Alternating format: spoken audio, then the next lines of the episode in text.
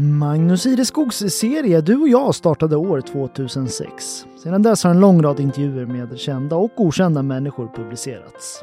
Den gemensamma nämnaren är alla människoöden som skildrats genom åren. Nu släpps intervjuerna även i poddformat inlästa av Magnus Ireskog själv.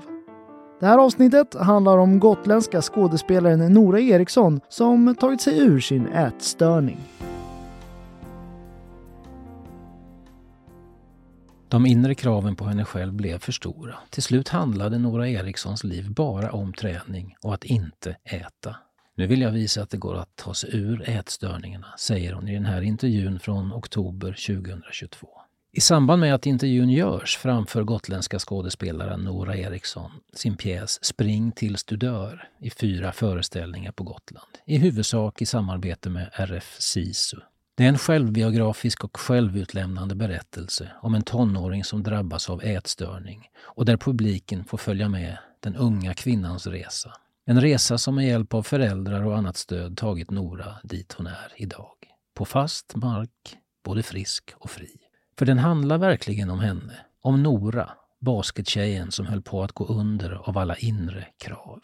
Men jag hävdar, säger hon, att det går att ta sig ur sjukdomen. Det har jag gjort. Nu tränar jag om jag har lust. Annars ligger jag lika gärna i sängen och äter godis. Vi ska till ätstörningarna, men först håller vi oss i nutiden. Den här intervjun görs i två omgångar. Dels sedan hon kommit hem till Visby för nämnda föreställningar, men först i telefon till Stockholm. Det där hon bor sedan knappt tio år. Nu i Bagarmossen med pojkvän och bonusdotter. Det har varit svårt att hitta tid för samtal, för som jag frågar i slutet av den här intervjun som vi till slut fann en tid för, vem är Nora 2022? Svaret, en väldigt stressad person. Men nu har vi lunch och då hinner vi prata, säger hon i telefonen. Vi är mitt inne i slutjobbet inför en premiär, så det är lite mycket nu.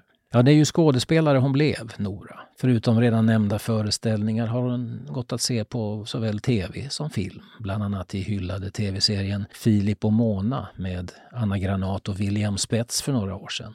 Teaterintresset började tidigt, i barnaåren hem i Visby. Vi hade alltid en utklädningslåda med gamla kläder och pappa och jag brukade sitta vid matbordet och liksom visa känslor. Hur ser man ut när man är ledsen och glad? Och hur ser man ut när man är bajsnödig? Sådana saker. Men det där var alltså i småbarnsåren. När Nora kom i tonåren hade idrotten tagit överhanden. Hon spelade en del fotboll men basketen blev hennes sport. Hon nådde Visby Ladies A-trupp, tränade med laget under gymnasieåren, spelade inga matcher men satt på avbytarbänken under hemmamatcherna. Pappa Håkan Eriksson är en gotländsk basketprofil men han utövade ingen press. Det är Nora noga med att betona. Jag började när jag var 12 tror jag, säger hon, och tyckte det var väldigt kul. Jag ville alltid vara bäst och ställde höga krav på mig själv. Så var det från början. Där har vi dem igen, kraven. Då, som barn och tonåring, handlade det för Nora om att prestera för att få beröm och väcka gillande hos tränare och ledare. Att komma med i laget, höra uppbyggliga ord från coachen. Hon beskriver sig själv under högstadietiden som en fluga på väggen. Blyg, försiktig, rädd. Lite grann började jag hitta mig själv i gymnasiet. Tidigare var jag liksom låst i min egen kropp. Fast egentligen fann jag nog inte mig själv på riktigt förrän jag började scenskolan när jag var 23. Det var under de tidiga tonåren Nora kom att utveckla sin ätstörning. Tonårstiden var fylld av dessa inre krav. Att vara någon, räcka till, inte misslyckas. Att hon behövde någonting hon verkligen kunde kontrollera. Det är så hon säger det. I jakten på beröm och att vara bäst, fast jag bara kände mig oduglig, så hittade jag något som faktiskt kunde kontrolleras. Och det var maten. Att inte äta. Eller snarare att äta så lite som möjligt och satsa fullt på träningen. Hur tog sig det uttryck, Nora? Jag drog mig undan, kände att det var jobbigt att gå till matsalen i skolan och sådana saker. Hon slutade aldrig helt att äta, betonar hon, men hon åt definitivt mindre än hon borde. Ja, grejen för mig var träningen, att orka träna trots att jag åt för lite. Träningen var, det var det min energi räckte till. Jag gjorde inget annat. Var inte ute med kompisar och hade helt enkelt inget roligt liv. Men vad hade du velat göra då? Jag borde gjort revolt, levt som en tonåring helt enkelt. Jag gjorde ju aldrig det. Det var först när jag började bli frisk som, du vet, fuck allting. Jag minns pappa ringde en gång. Är du bakis? frågade han. Ja, sa jag. Det låter bra, sa han. För så här var det. Nora har vuxit upp med mantrat att det aldrig är fel att be om hjälp, vad det än gäller. Så när hon kände att matintaget drog åt fel håll tog hon kontakt med skolkuratorn på gymnasiet. Och på så sätt kom ätstörningarna också till föräldrarnas kännedom, det som de förstås redan anat. Men, säger hon, man blir ändå proffs på att dölja det, åtminstone tror man det. De hade frågat mig några gånger men jag var aldrig riktigt mottaglig. Egentligen minns hon inte så mycket i detalj. Minnesluckorna är stora. Som från småbarnstiden nästan. Små barn lever i fantasin. Hos den tonåriga Nora låg det allra största fokuset på träningen, att duga och räcka till. Allt annat sattes på undantag. Med hjälp av insatser från BUP och många och långa samtal inom familjen kom hon äntligen ut i livet igen och flyttade som 19-åring till Stockholm och Kalle Flygares teaterutbildning. Hon var frisk, trodde hon. De tunga åren förbi. Ja, jag trodde det, men föll tillbaks i ätstörningen. Det hade nog egentligen molat i bakgrunden hela tiden som jag ser det nu, men jag blundade väl för det då. Det var en tuff tid för en ung och nyinflyttad gotländska som knappt kände någon. Hon isolerade sig, gick sällan ut, ensam fritid långt från föräldrahemmet i Visby. Men inte längre avstånd än att telefonsignalerna gick fram, och det gjorde de. Ofta. Ja, det var många och långa samtal på telefon från mamma och pappa. Att de orkade. De påminde mig om livet utanför, om allt fint som finns där ute. Det är fredag kväll, Nora. Vad tror du dina kompisar gör ikväll? Hur många ser du som är ute och springer? Sådana saker. Att föräldrarna aldrig gav upp tackar hon dem med hjärtat för.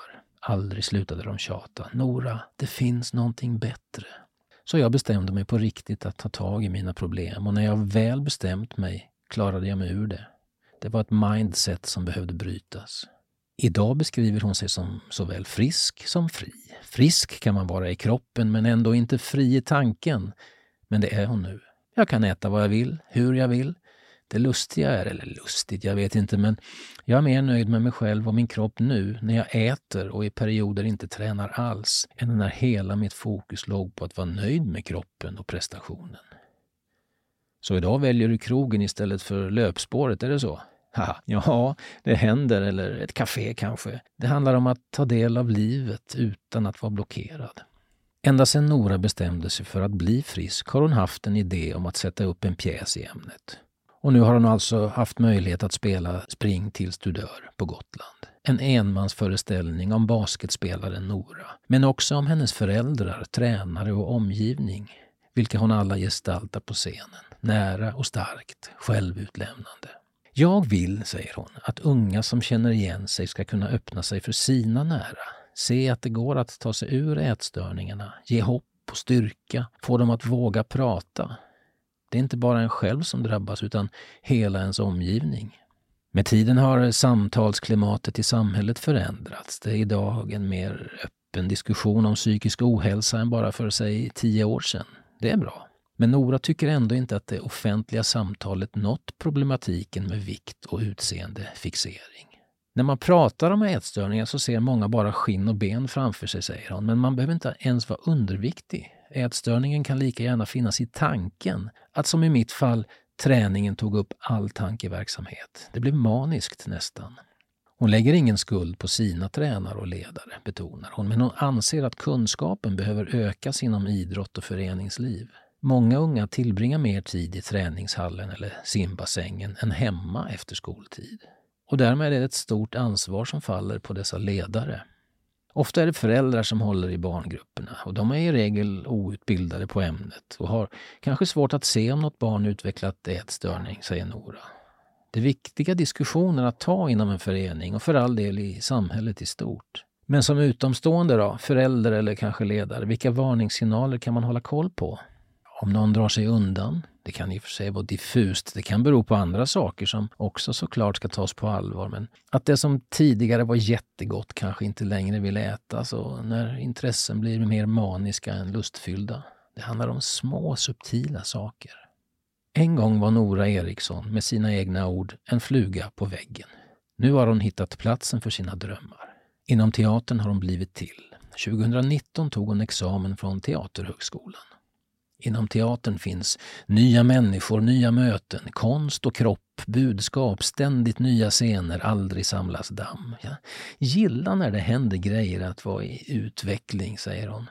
Inget ont som inte har något gott med sig, brukar man säga. Och sett till ätstörningarna då, är det för hårdraket att säga så?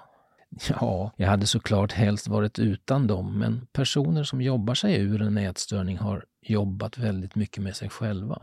Det borde fler göra. Jag är tryggare nu och har koll på mina känslor. Ibland när jag ser på mig själv kan jag tänka, fy fan vad grym jag är. Och att misslyckas, det är inte farligt som hon ser det. Inte lika lätt att se under den känsliga uppväxten såklart, men från vuxet perspektiv är det tydligt. Ja, nu vill man såklart helst låta bli att misslyckas, men det är trots allt av misslyckanden man växer. Man lär sig och utvecklas. Men du, kraven i samhället är inte borta och i ungdomen är de flesta fortfarande lättpåverkade, eller hur? Ja, och de där kraven och idealbilderna matas vi med överallt, genom sociala medier inte minst, där det är omöjligt att inte jämföra sig med andra. Jag hoppas att de som ser eller har sett den här pjäsen får lite hjälp på vägen. Det gäller att våga prata. Prata, prata, prata. Det är vad det handlar om. Enligt statistik från Socialstyrelsen 2019 lider uppskattningsvis 190 000 svenskar mellan 15 och 60 år av ätstörningar. 147 000 kvinnor och 43 000 män. Av dem har uppskattningsvis nära 60 000 inte sökt hjälp från vården. Ja, gillar du också Magnus Ireskogs intervjuserie Du och jag så finner du fler avsnitt på helagotland.se under poddar och program.